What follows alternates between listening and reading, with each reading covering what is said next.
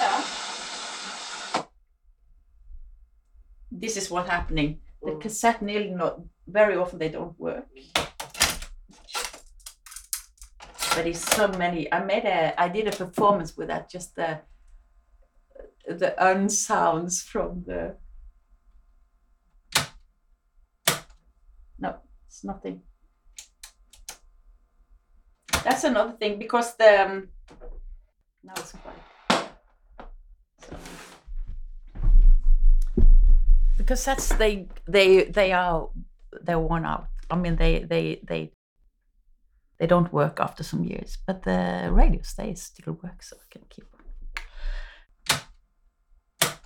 The radio has developed um, all the time. It's changed all the time since I was a kid, and it still does.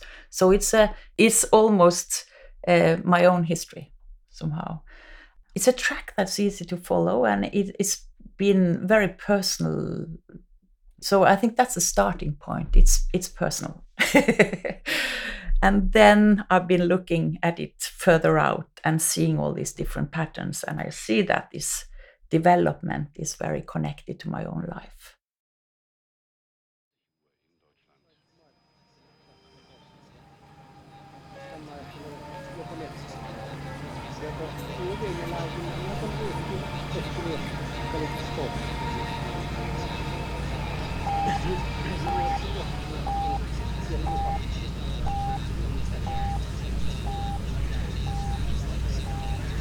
Time signals and radio taxis are some of the discrete expressions of radio that have disappeared from our everyday soundscape, with us barely registering when or why they have ceased to be broadcast. The internet and more recently, digital audio broadcasting, DAB, are changing radio as we know it.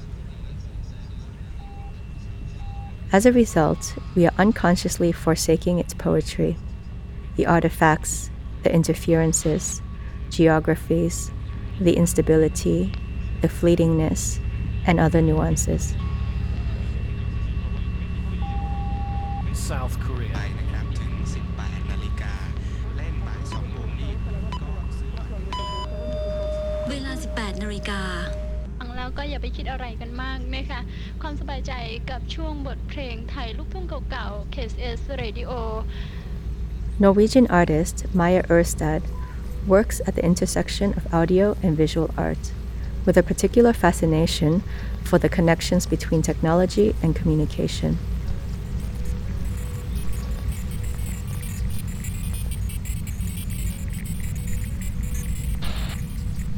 Her work explores devices that are on the way to becoming obsolete, such as Morse code and two way radio taxis, as well as others that are thriving, like optic fiber. Radio, of course, has a leading role at this crossroads, and it does so in the form of sound installations, concerts, theater, and elaborate performances. 5 de la mañana. Tonight at 6.30, 7.30 Atlantic, 8 in Newfoundland. Klokka 14 14.06. 2103. Used and Kashmir.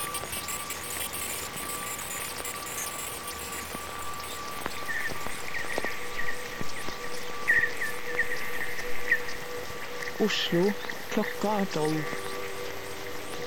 In the course of her explorations, Maia Urstad has worked with the Deutsche Welle Radio Archive, choreographed motorbikers and dancers, reinstated a forgotten meridian, lived alongside a Focke-Wulf fighter aircraft, and recorded the taxis of Buenos Aires. And she has even used portable radio sets simultaneously as building blocks and loudspeakers in her sound sculptures. In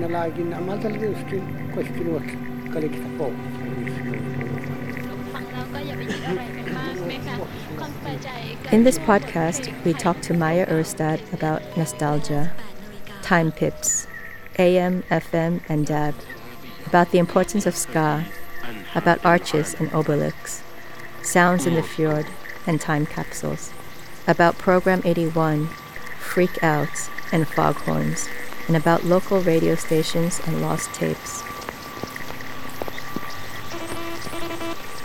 and Kashmir.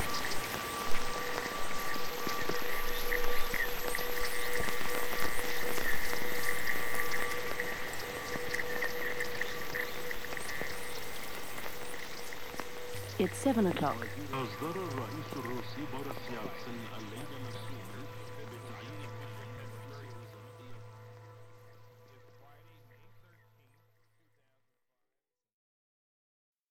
When I was starting to work, it, there was no sound art, uh, didn't have an expression or something, so I didn't know what to call it, and it wasn't very popular. I mean, it wasn't it wasn't so many doing it. So I, I was working together with another artist, Cicely Lillewostad, and she's um, I did the sound part and she did the visuals, and then we met in installations, and we didn't have a word for it, you know.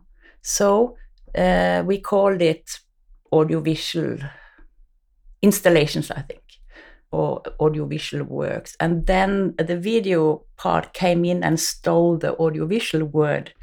So when the sound art come in, or the, the term sound art, I was very happy because suddenly I had a, a place to place myself, and I thought that was really nice. And some years went, and it's the discussion of defining it started, and th- I think that's why I'm a bit uh, strict to say that it shouldn't be. It shouldn't really be defined because when you define something, you also define something out. And I think that's a, a bit problematic.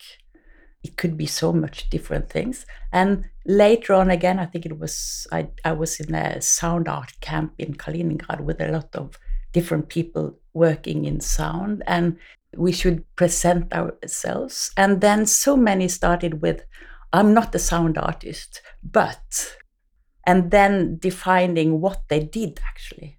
I thought that was also, now the term is very wide, so you don't really want to to be there anymore. So it's been a nice uh, walk in a way.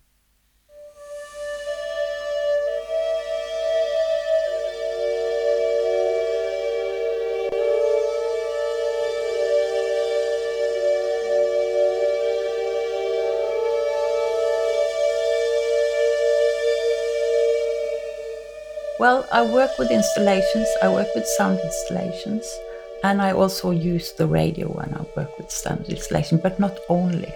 I use, for instance, the word sound artists. It tells something about what I do.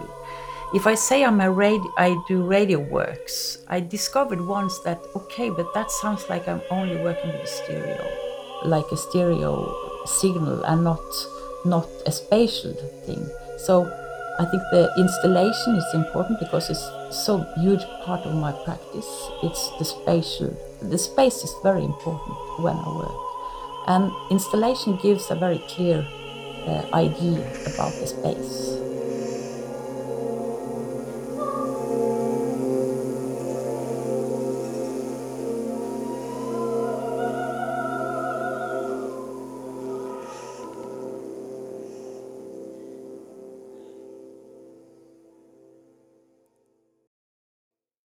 My parents were musicians, so I was always playing from I was a kid, uh, playing piano. And later on, I was uh, playing guitar, you know. I was living in Kristiansand and I moved to Bergen to go to the Bergen Academy of, of Design and Art or something. It has changed names all the time. And I was also interested in drawings. And so I started actually on uh, textile here on the section of textiles. And it was also nice to go work with the art, but I didn't have any, I didn't find any direction. So I was working with these textiles, but it didn't really appeal to me so much. But I was weaving and I was doing print on fabric and batiks and different making images and different things. And I was, after these three years, I did that for a while. And then I started to play and then again um, the theater possibility or this this uh, me working with sound in a more visual art context that's where i little by little went i found that area in a way and it was excellent because it's it's fed both my interests. I was playing guitar, but I was playing like uh, folk songs. And then the 70s came, and it was a big shift in the, the attitude of what we do. And I was starting to reflect on my own uh, what do I do? And I remember we, I had a performance with a recorder, and then suddenly I just saw myself outside. Why do I play these instruments? And I started to question the gender thing, I think, or why do I play these very soft things or something like that? I don't know. I'm not quite sure how conscious I was, but I was one year in South America on a trip after I had had uh, three years at the academy. And when I came back, I got the electric guitar. And things came my way, I think maybe because I was curious and open. And then there came a really nice guy and say, "Hey, you can join our band." We were 11 people and we played like some kind of rock. And I just learned the basic on the electric guitar, and then from there on, I just kept on. And we were playing. I was playing in a band for many years. Program 81, and then 82, and we started. Before that, we was called Rag, and uh, we started I think we started in 79. First of all, I played in a reggae band called Immigrants Dread. And that was with a guy on vocal who was from the Seychelles. And so he was the guy coming with the sounds or the songs. And we played, and I learned a lot of reggae. And one summer he was away, and we were, some of us, we were playing in the flat of one of the other guys. And then we started to double the tempo and we started to play ska. And from that point on, some time, I can't remember when, but then we split up. And I, I went the ska way. I loved that. And it was perfect for the guitar, you know. Yeah. And that was so nice. And it came together with this new way of thinking as well. Of you don't need to be so very clever. You can just play very simple and make nice or good music, and there's a lot of energy. So I think that was a, it was an interesting shift because it didn't feel like it came from me, but I think I was just going in a stream that made me aware of things.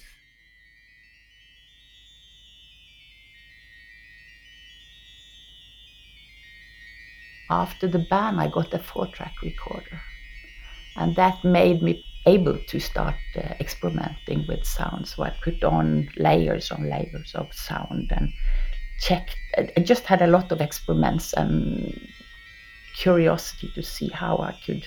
How is it possible to connect the textile thinking with sound? And I found that it was definitely possible. So I started to make something I called weavings, and I was uh, transferring time into stripes. Like when at school we could make these stripe images, it was supposed to be woven, for instance and I started to see if there is is there a correlation between these stripes and the way we perceive time uh, through music. And I started to make textures. The idea came from the textiles and how to weave and how to put together, for instance, one guitar note many enough times to get a dense texture or a medium. So, and I was thinking of it as dots.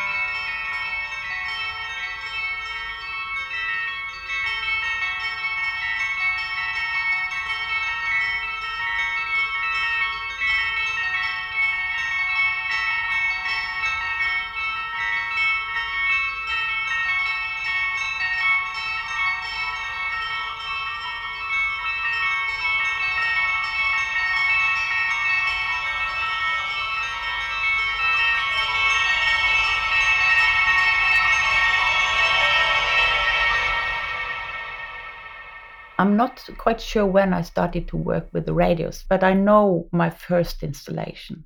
And I just recorded what I can find on the radio. The passion for radio's been there always, but more as a, a user.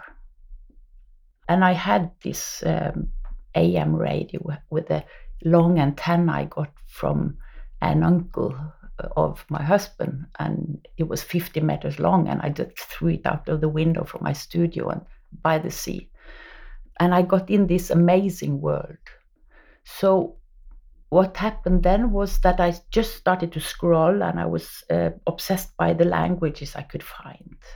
I think many recognize that situation of the tuner. So one of my first projects was to to record the world news where I could find the same. They were talking about the same in several different languages. And one was the Monica Lewinsky situation.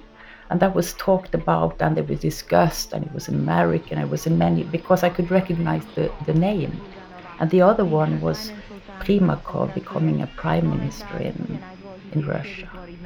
And there was um, stock prices going up and down in Norway like hell. So I made these uh, recordings, and that was what was on at the moment. So it wasn't something I decided; it was something that I got in a way.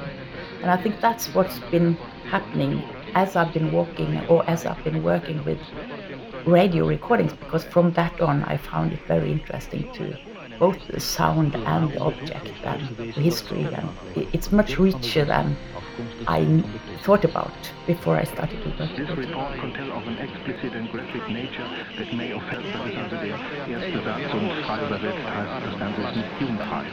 Dieses ist sicherlich, glaube ich, dann in meiner journalistischen Laufbahn so etwas, was mich erlebt wie pornografische Literatur.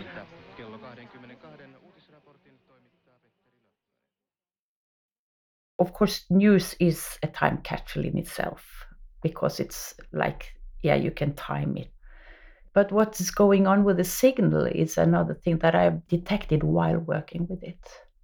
For instance, I was working with the installation meanwhile in Shanghai, where I've been picking up and also I've been recording small fragments of information about time, the clock, and the place when I've been traveling around and I've been listening to FM because that has become a, an interest over time.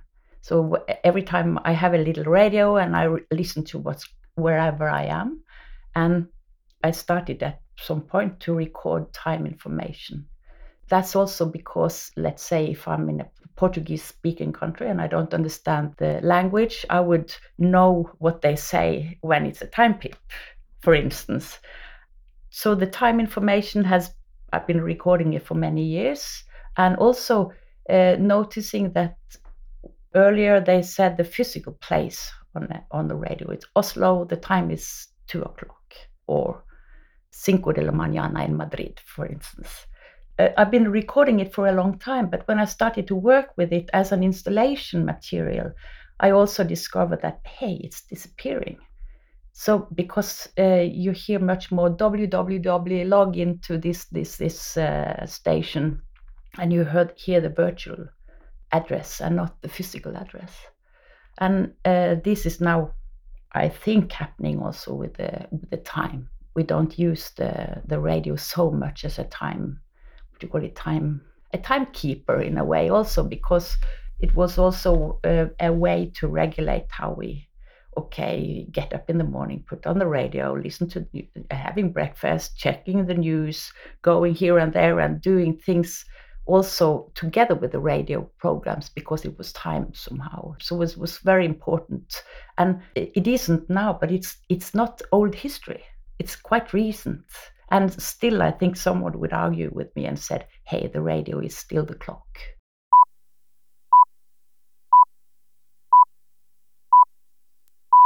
Yeah, the time pips. I was uh, thinking about it because it's also been uh, it's a beautiful sound i mean it's a very simple th- thousand hertz sound i guess and uh, i think the the whole thing with the time pip is very nice so i was thinking about it and hey I haven't heard it for a while. So it's maybe it was two years ago I, I started wondering about that.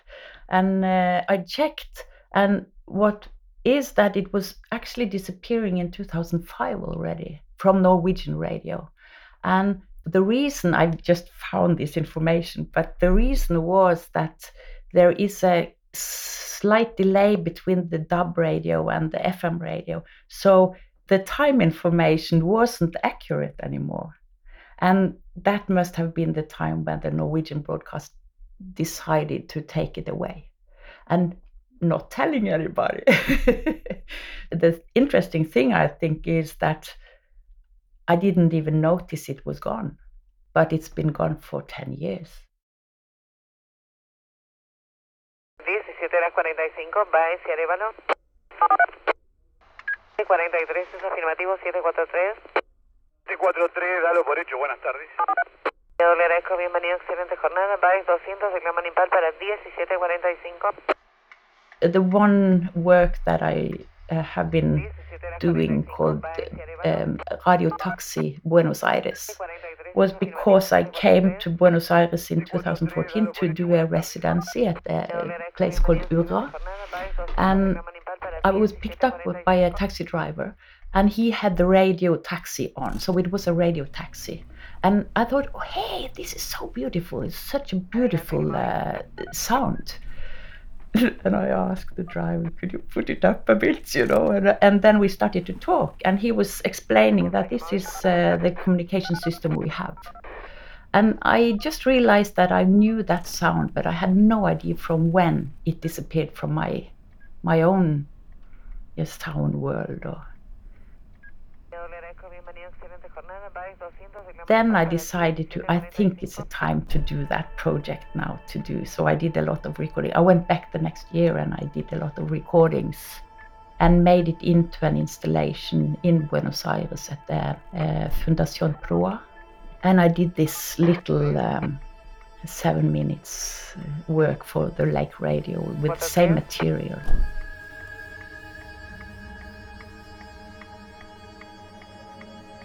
Le agradezco, bienvenido, excelente jornada. Baez 200, reclaman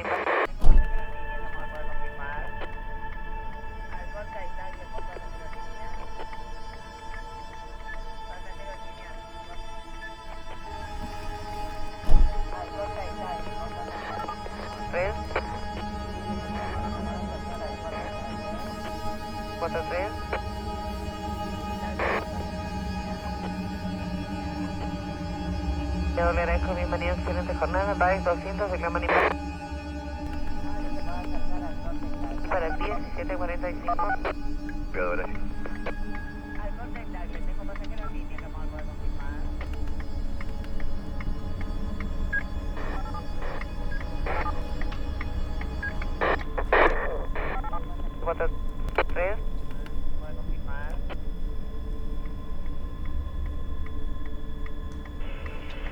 estoy a 5 cuadras, pero creo que voy a tardar como 10 minutos. No sé qué pasa. No sé qué pasa. Móvil. Bueno, listo, gracias. Gracias, compañero. Afirma hotel 8528, firma para Rosel 528.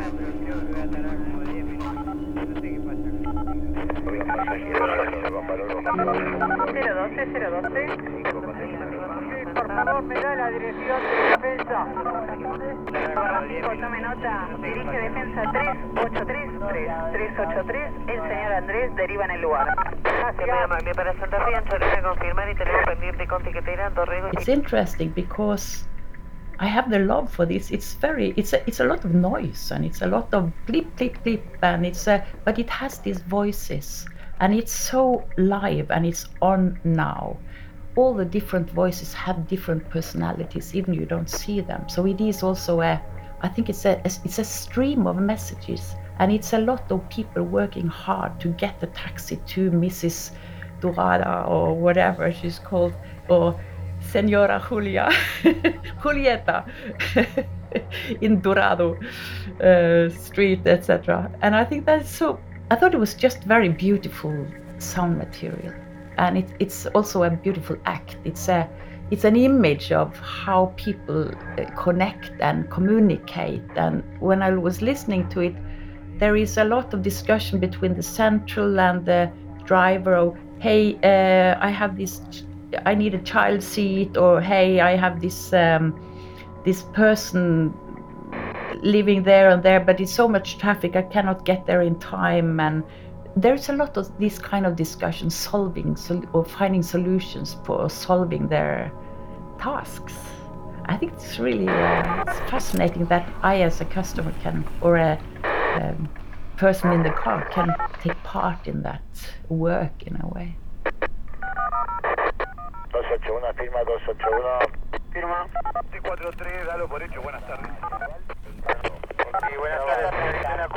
pregunta, por Avenida Libertador hacia Retiro, ¿hay algún problema? ¿En cuanto vale un viaje de Recoleta a Temaiquén? A la puerta de Islagli, que me puede confirmar, Maipú y Tucumán, al sistema de Curso Belgrano. Soldado de la Independencia y Gorostiaga. Y Guzmán, Rodrigo y Rondey a confirmar tiempo. Gracias.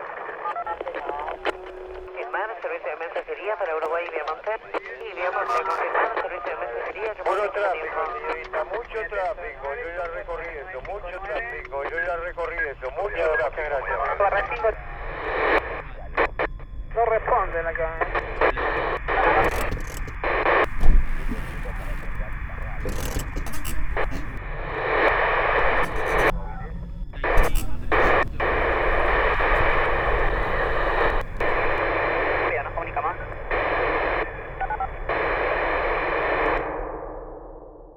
I feel I record endangered species somehow. So I'm in the flow of things disappearing, and that's the fact with our uh, communication technology or uh, technology at all.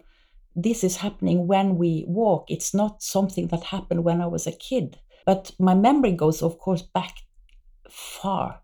But I also look forward because by recording this, I also say that this is something that's will change now. It's changing as we speak.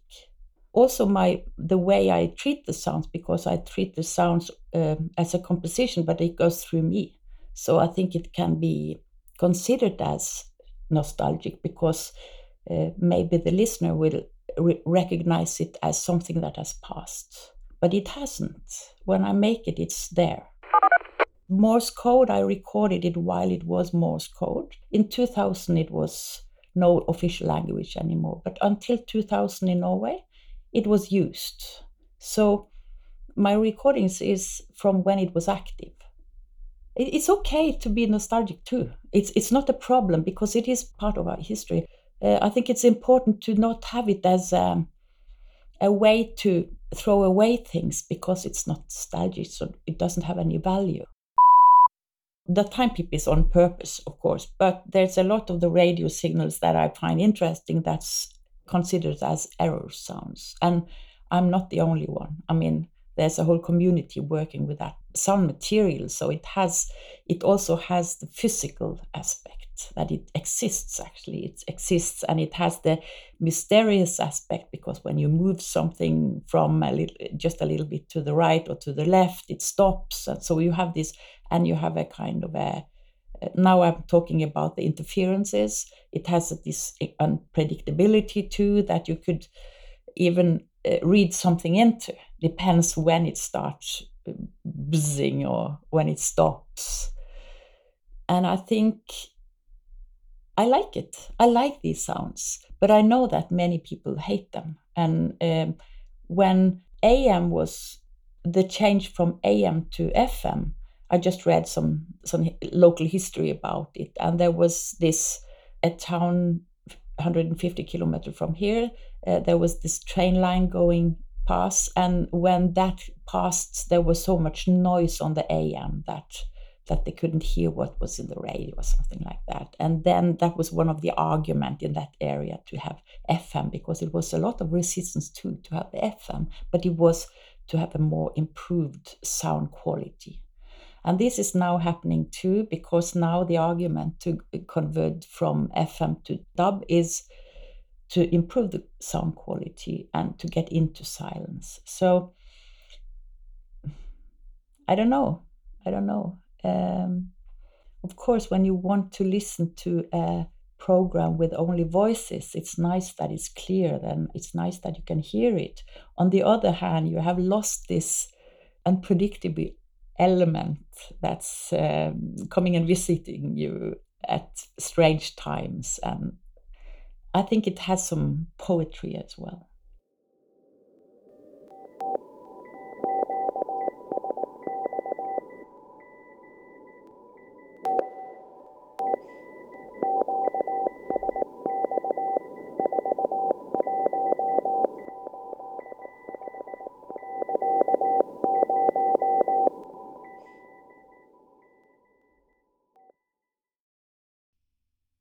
The audio archive of Deutsche Welle in Bonn. The purpose was to research the audio material to make an installation in a public space, and I knew the space. So I started to look for material, and I didn't really know where it would go in the beginning. But the, one of the interesting things with Deutsche Welle is that they have tra- been transmitting in all these different languages uh, since the beginning in 1953, I think. With the first, it started with Germany, and then um, next year they, it was transmitted to English, and then Spanish, and uh, Italian, French, etc. And in 59, Arab. So my thought for that work was that it would be nice to have this time development somehow from the first and looking at the increase, increasing languages because it also tells something about the technology development or and how things are spreading and the history of broadcasting radio. So when did they transmit to africa for instance and where? And up to about 2000 it was increasing just in the end of the 90s they were broadcasting in more than 40 languages and internet came in and it started decreasing. And now and i only looked at the analog broadcast because i thought it was good to have some limits. And it's also interesting with sounds and everything. When i finished the work last year it was seven languages left. So i asked the engineer to give me three minutes speech from each language from three different time periods. And then I started to look, listen to it. And that's another thing because the the sound, the voice won't disappear, but the technology around it is changing.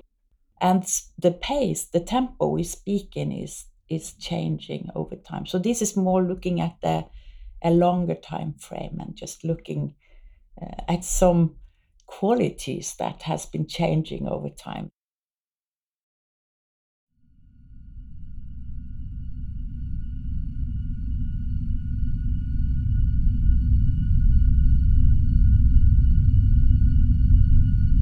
There was this Focke-Wulf aeroplane from Germany who was uh, falling down on an island outside Bergen.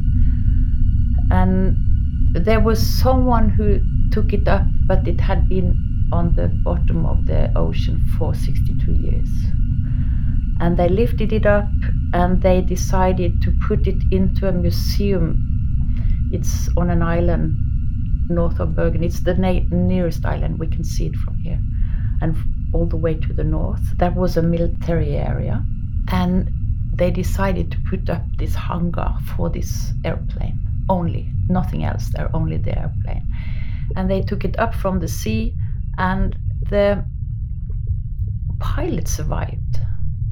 And I'm not 100% sure about that history, but I think it is that he was exchanged with some other prisoners but the aeroplane looks incredible because it's been 62 uh, years on the bottom of the sea and it looks like a sea creature somehow. And they decided not to restore it, but to take away the sand and just put it there, but not trying it to work or something like that.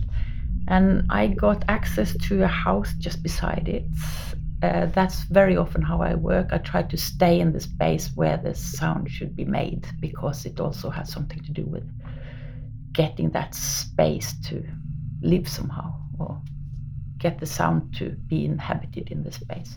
So I was asked to make sound for this aeroplane in that hangar.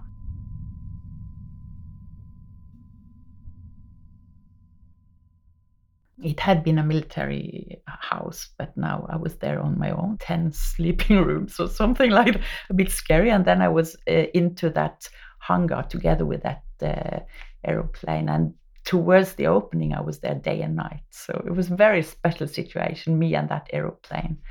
It was interesting because it's a, it's a war machine, but it, it didn't have any power at all. It was just naturalized in a way. And I thought that was very interesting. So I worked with the idea of being still underwater.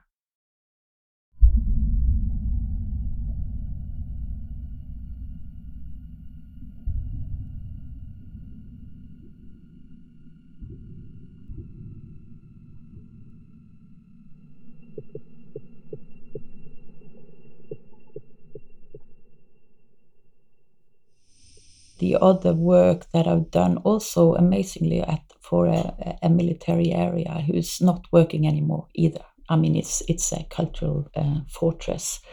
Uh, the work is called um, "Return of this Prime Meridian," and again, I think what happens is that I get into a place and I'm interested in what's happened here before. So where where is the, the soul of the place?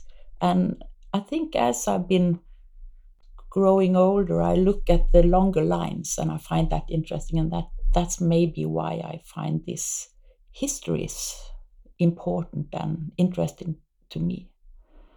The return of the prime meridian was a work I did also as a commission, and this was in a storage space from 1684 or something like that. And what I discovered at this place, at this fortress, it's 100 kilometers north of Oslo, it was that the, the flagpole had been the prime meridian in Norway when they started to make the maps. And I thought that was very interesting because that's a very thing. It's, it's considered as a center. So, was this the center of Norway? No, it, not at all. I mean, it's far south. It's not the center of Norway at all. Was it in the center of a town? No, it's just a small place, but it was an area of militaries and it was not so far from Sweden. So uh, the prime meridian was there for about 60 years. Then there is um, this is of course my version, but it's I've been told it more or less like this. There is a professor Hansteen. He comes from Copenhagen and he moves to Oslo, and he's doing a lot of research on uh, uh, meter astronomy. He, he's a very skilled person, and he's having this house built in Oslo, a, an observatory. He got the prime meridian moved from Kongsvinger to Oslo, and then it stayed there till 1884 when when the prime meridian got a standard. And that where is that? Yeah, that's in Greenwich. That's not the center either right? So I found that very interesting who is telling these stories and who is deciding where the center is and where's the periphery, because Kongsvinger is a periphery and it's never been a center. It could be widened out who's deciding what. It's again, it's something occurring while working with it, and very often this is the dialogues going on between me and a material. And the older I get, maybe they're more I see more systems, but very often it's something I detect while working with it.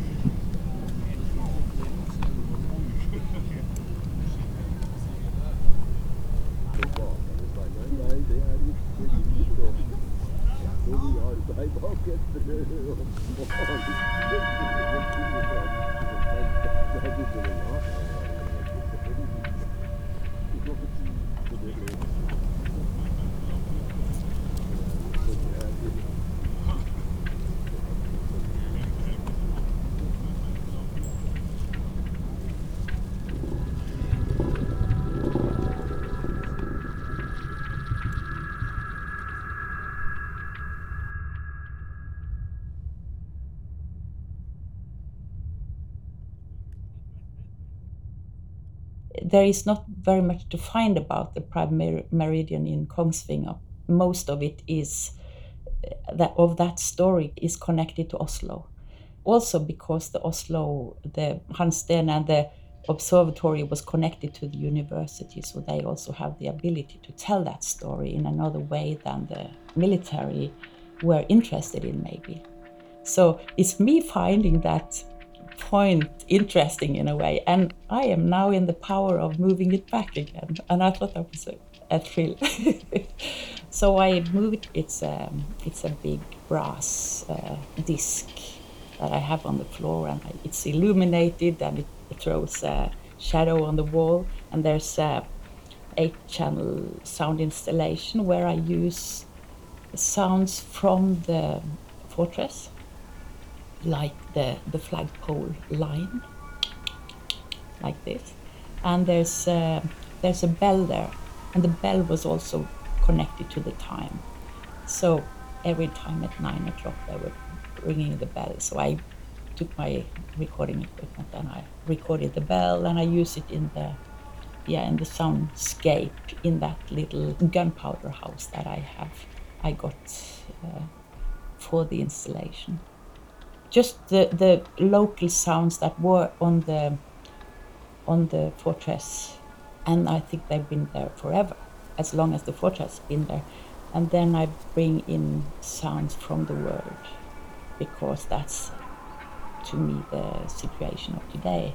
So there's a um, minaret singer from Ramallah that I recorded once I was there, and there's a, uh, yes, uh, I also recorded a little fragment because in in um, I was was it 2015 or something? North Korea decided to change the time zone again back because they hadn't changed it since the Japanese changed it, and now they were maybe demonstrating the the force of taking it back, so they changed it half an hour. And that was on the news, so I recorded that, and I think it's very nice to bring that into that space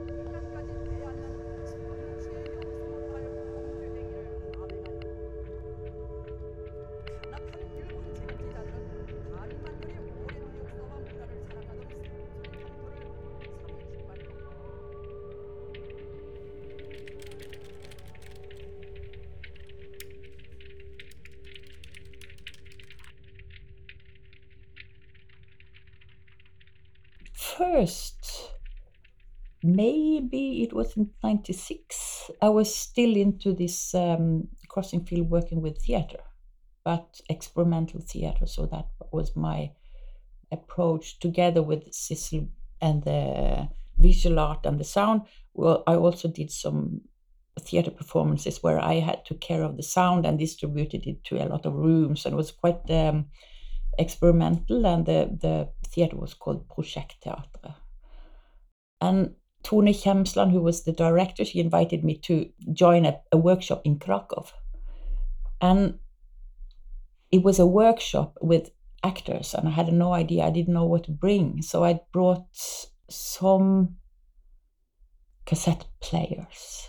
They were square boxes. So I discovered that, okay, they are great to build with. And they were also very flexible because, for instance, for an actress, or an actor could carry the sound around. So instead of me sitting on a mixing desk and sending the sound to left and right and two speakers, I could I could ask them to make these spatial uh, movements. So that was one of the starts, and then I had this um, installation two la- years later, which I talked about about the sound, where I recorded the the stock prices going on and the world news and I put these four radios that I had got from the theater, and I had them, and they were big, like 50 centimeters wide, maybe ne- nearly 60, and 25 high. So it was quite big. And they were these boom boxes, and I put them out among the trees at um, Fløyen, which is the yeah the mountain you can see up here. It's just behind that. It's not the white one there, but the next one so I, I went up there and and walked until I couldn't hear the city sound, and then I hung four radios in the trees. And that's when I was starting to work, record the sound.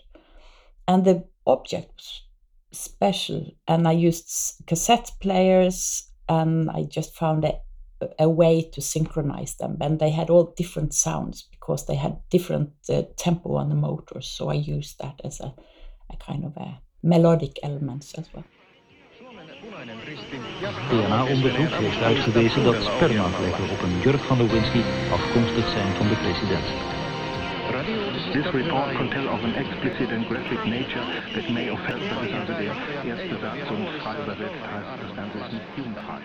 Ist sicherlich, glaube ich, in meiner journalistischen Laufbahn so etwas noch nicht erlebt pornografische Literatur. in 2000, Bergen was the cultural city of Europe. So I did there, I think I did three different projects. One was the one starting it as a pre project uh, at Fløyen with the hanging radios. And then there was, I built this arch and I bought eight square boom boxes. And then I started to get on recycle stations more radios. And I built a classic arch. Um, the same way as the Romans did in a medieval park just across the, the fjord here.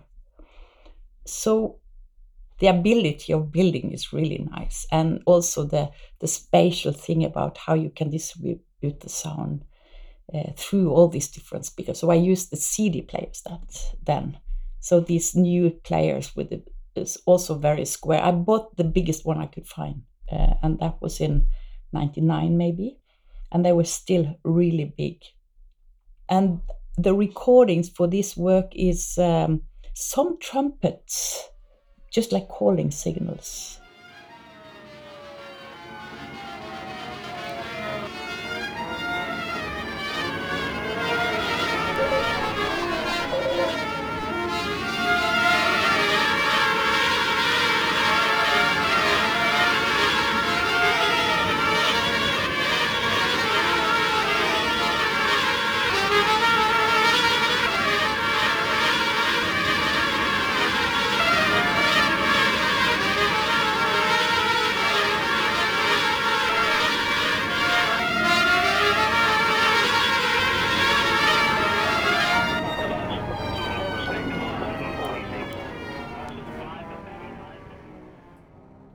And then the white noise, the interference. So the, there is two layers in that um, arch. It's an inner layer where the, where the radios are inwards, and the sides is just me from my toes to my fingertips when I stand, like the Michelangelo uh, wave.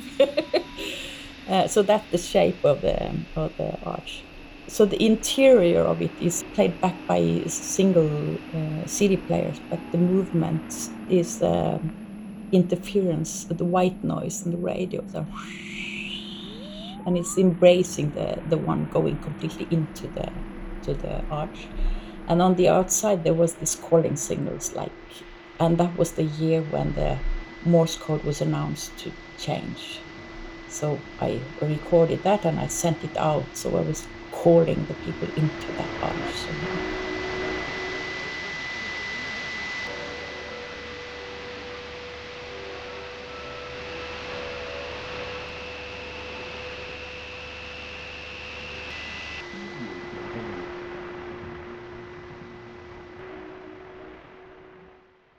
And then I did a quite huge project called Cleopatra's Needles, because then I started to look at the constructions around us and how all the structures and all the amazing technology who's been happening to construct these huge buildings and how, how we are going in masses to, to see these places and how how important it is to us to see. And also the Cleopatra's Needles was two obelisks that was made in the Cleopatra's time.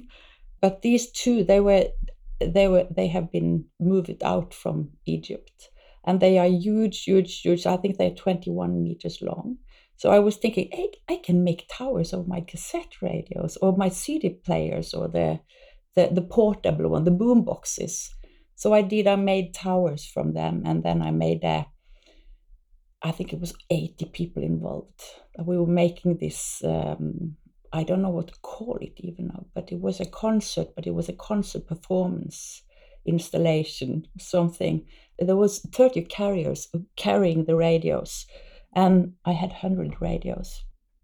But there was 30 cassette players, yeah. So 30 people pushed the button, and then I had T CD players, and uh, it was this um, event going on just in sunset at this place where I had the arch, which is this. It's a beautiful park as well.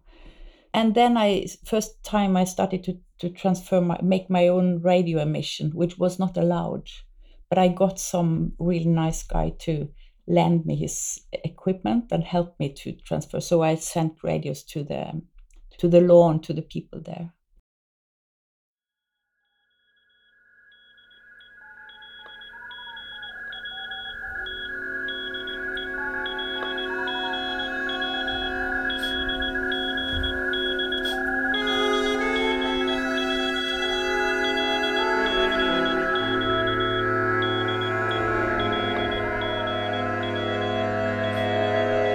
It was a performance, and I had a, a, there was a director helping move the with the movement, and there was a person making clothes to wear, and there was this saxophone quartet from Belgium called Blindman Quartet, a beautiful quartet. So it, there was saxophones, there was movements, very slow movements, and these uh, 30 radios that was spread out on the lawn as also working with sound textures.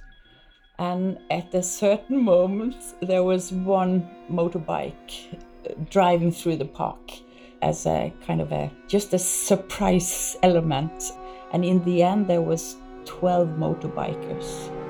And then there was this um, veteran gymnastic women, beautiful. I just discovered them because they were dancing at my daughter's. She was going to gymnastics, and when they had had their performances. In the end, the old women came and did their performance, and they have light blue dresses. Amazing, really beautiful. And because what I liked with them was also when they were rehearsing, they had this um, portable radio and they played Sky Skaters Waltz or something, and then they were dancing with that. So I asked if they could come and do that on the lawn during that performance. So when they were finished with that, 12 motorbikes came in and stopped and put them, they were, went on there, and that was the grand finale. So it was a very nice uh, performance and quite crazy.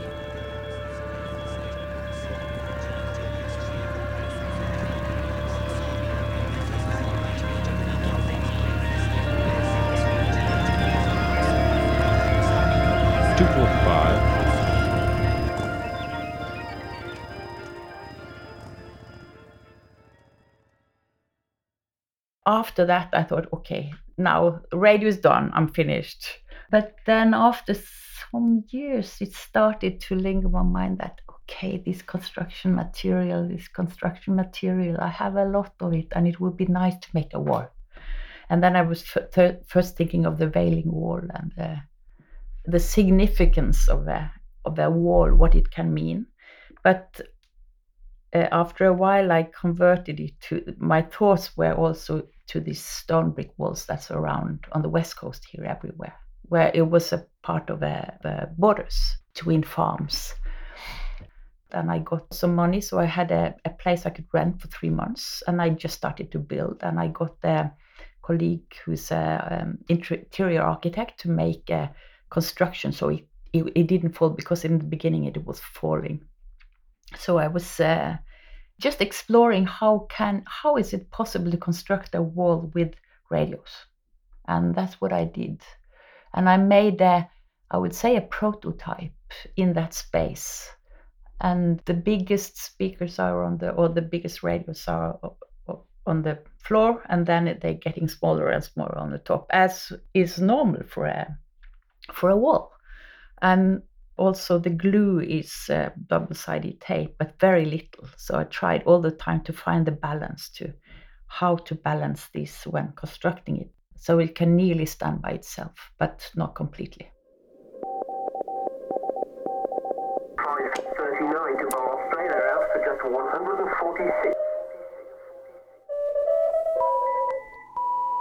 Two forty six,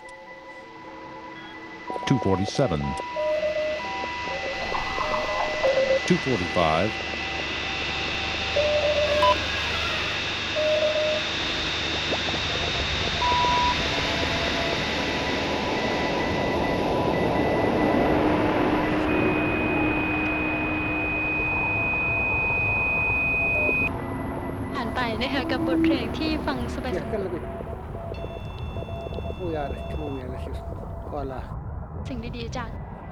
I had four layers of sound. I used the Morse code signal and medium wave, but short sounds that's it's more like it's a very spatial.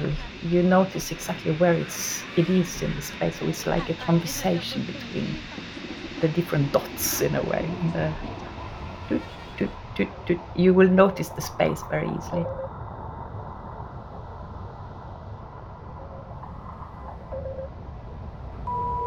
The other layer was the white noise who's moving along the wall from CD player to CD player because it was made, the sound is basically made of 24 CD players who's playing synchronously but unique material in each of them. And the third layer was recorded radio from the Sami language, which is uh, the Norwegian indigenous. And I've brought up with listening to that, especially in the middle of the day, um, the news, and then the some recordings from Thai language that uh, I recorded when I was on a visit there. So it was two languages I didn't know, but one is part of my my own country and my own. Uh, I know it very well from radio.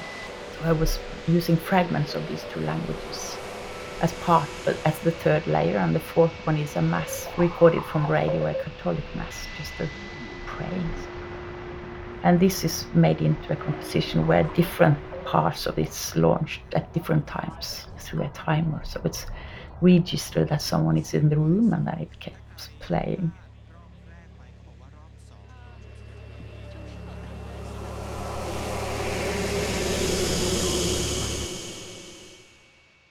And then again, after that, I thought, okay, we're done with the radios. and uh, later on, I thought it was interesting to try out to find out about the FM signal. Then I started to explore how I could send my own composition through the the radios I had, and I've, I've done that from time to time, making some live performances with just um, quite improvised um, choreography. I get some carriers on local carriers or ask for some local carriers, and then I introduce a way to move through a space depending on how the space looks and ask them to be the carrier of the sound more than performing. So my task is to make that multi-track composition live, uh, and their task is to carry the radios around without running or doing a lot of artifact, but communicating the sound to the audience. I call it radio concert because it is. yeah.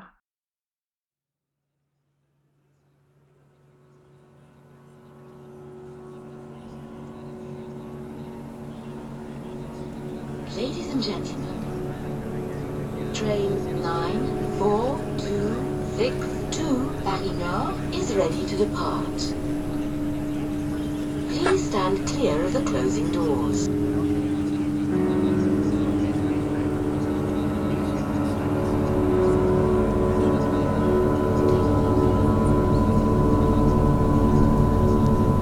Would like to wish you a pleasant journey.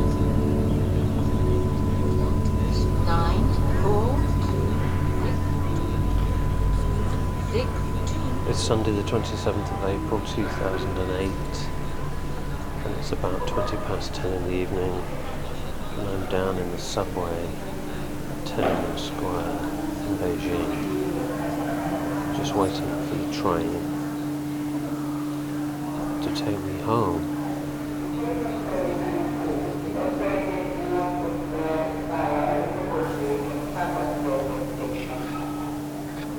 I collaborate with uh, Hilde Hauan Johnsen. She's a um, professor at textile. She's been there for 12 years at the academy here in Bergen. And we've been collaborating for 10 years now. She has the background, she's a professor in textiles, so she has the background from uh, that field and she knows a lot about um, the fiber. So we've been collaborating on these fiber optic sound installations, yes. And um, the technology, how we work with it, is that the sound is uh, sent through an interface and is converted into light, which goes through the fiber. So it's a, in a way, we make the sound visible.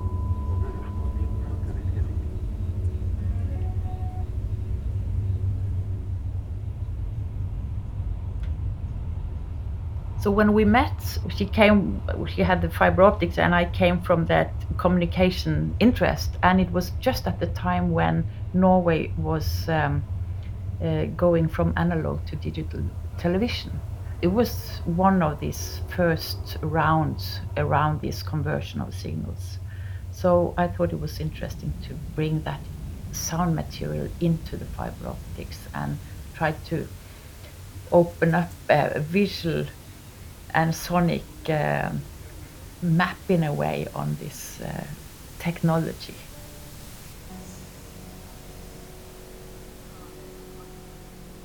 We don't see and we don't hear, but it's still there. And I also have, through all my works, and I have this idea about all these signals that are out, out there somewhere in the universe, and they meet and merge. And that's also what you, I think you can hear that in my compositions as well.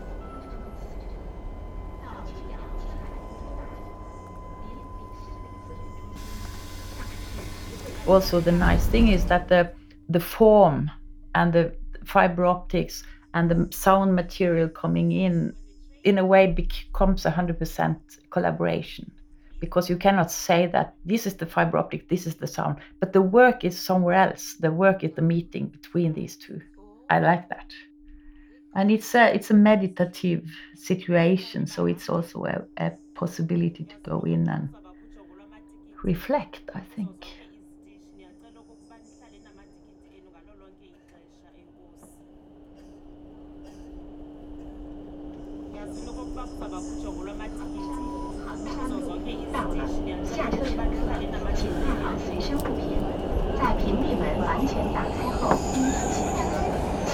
Nächste Station Potsdamer Platz. Übergang zur U-Bahn-Linie 2 und zum Regionalverkehr.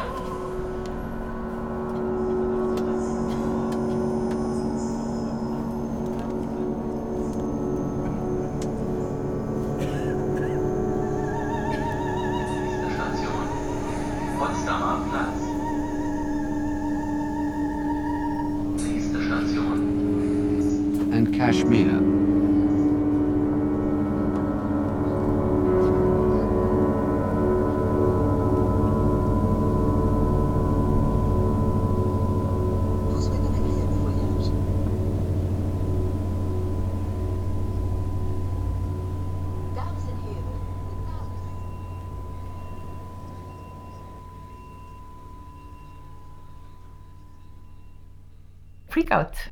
It's a group of 12 people and it's initiated and curated by Carl Michael von Hausswolff. It's the system is that the frequency spectra is divided into 12.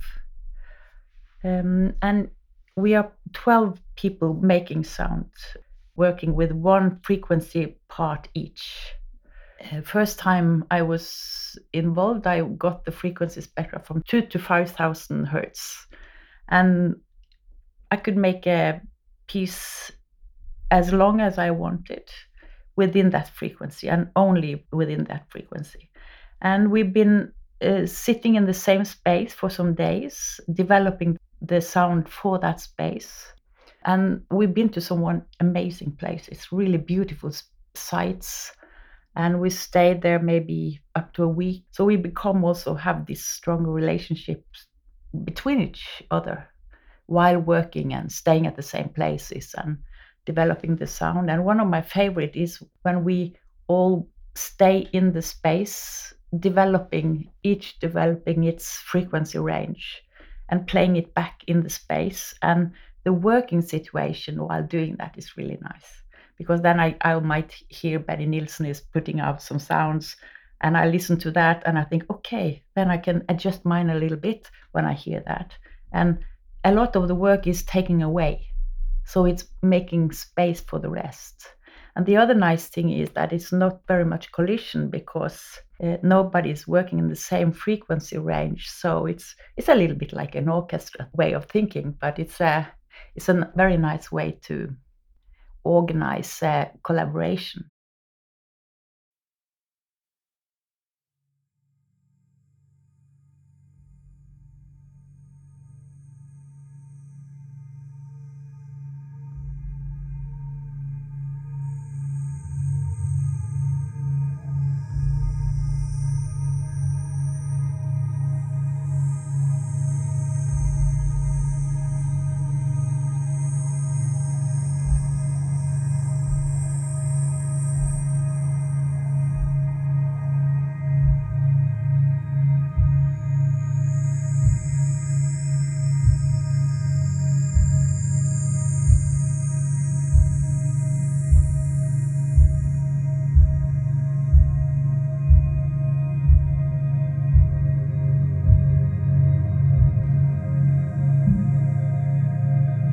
It's been different systems, but 24 speakers, so each have a stereo pair. The low frequencies have maybe a sub, because the lowest uh, frequency is from 0 to 20 hertz, which is very low. So it's spatialized, yes. And in some early installations, we had 12 CD players playing back one, each one and to a stereo pair and they they go independently so it's like an endless and each composition is has different lengths which means that the composition is uh, it never repeats. And it's a quite um, atmospheric and beautiful i think the, the result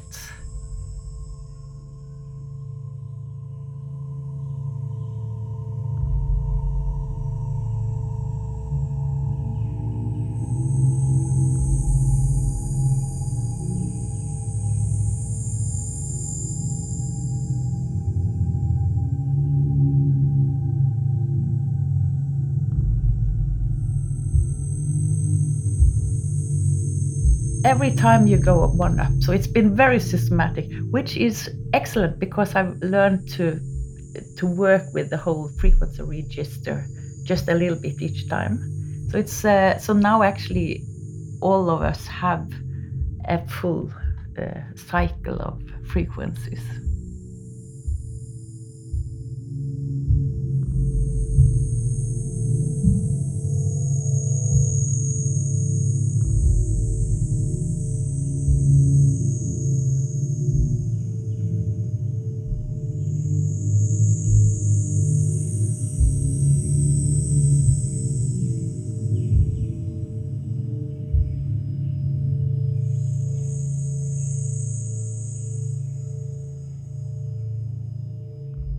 Around 90 hertz or something. That was one period I liked much.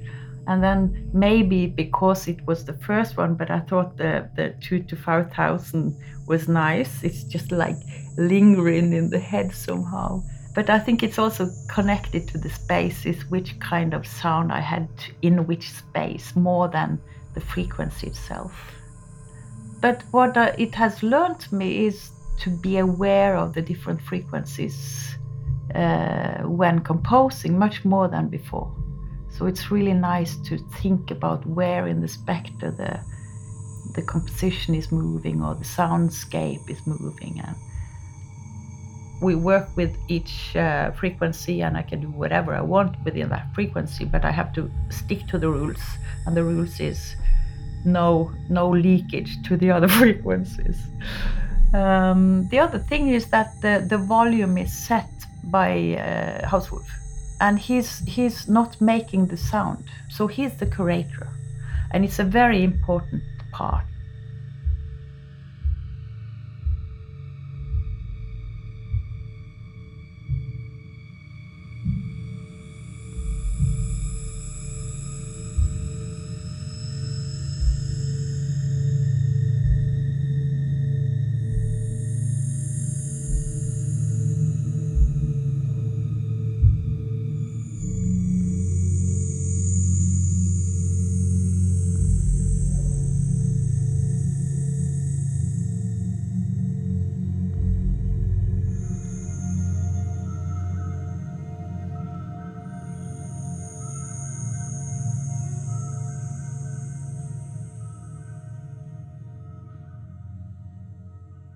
Every time we meet, we we come, we stay for several days.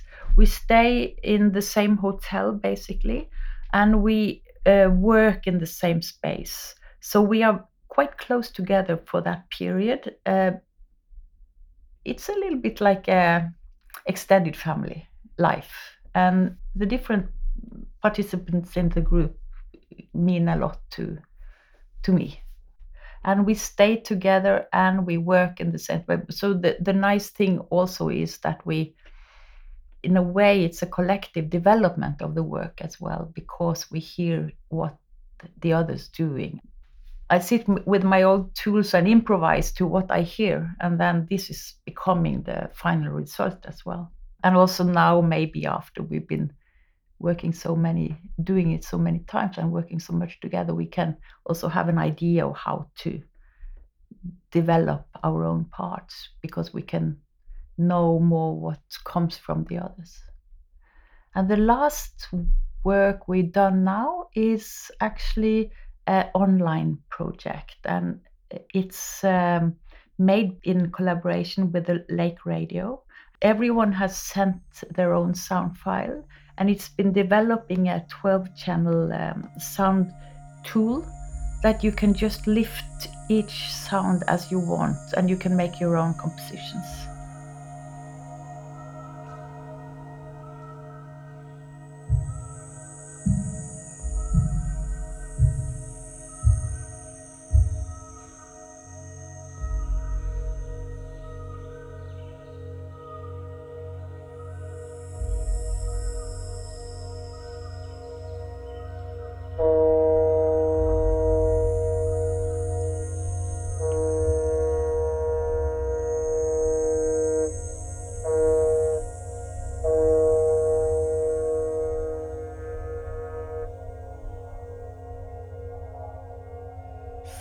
Is arriving. That's beautiful. It's very nice with the reverb from the mountains and the overtones. And it's really nice. Mm-hmm. Yeah.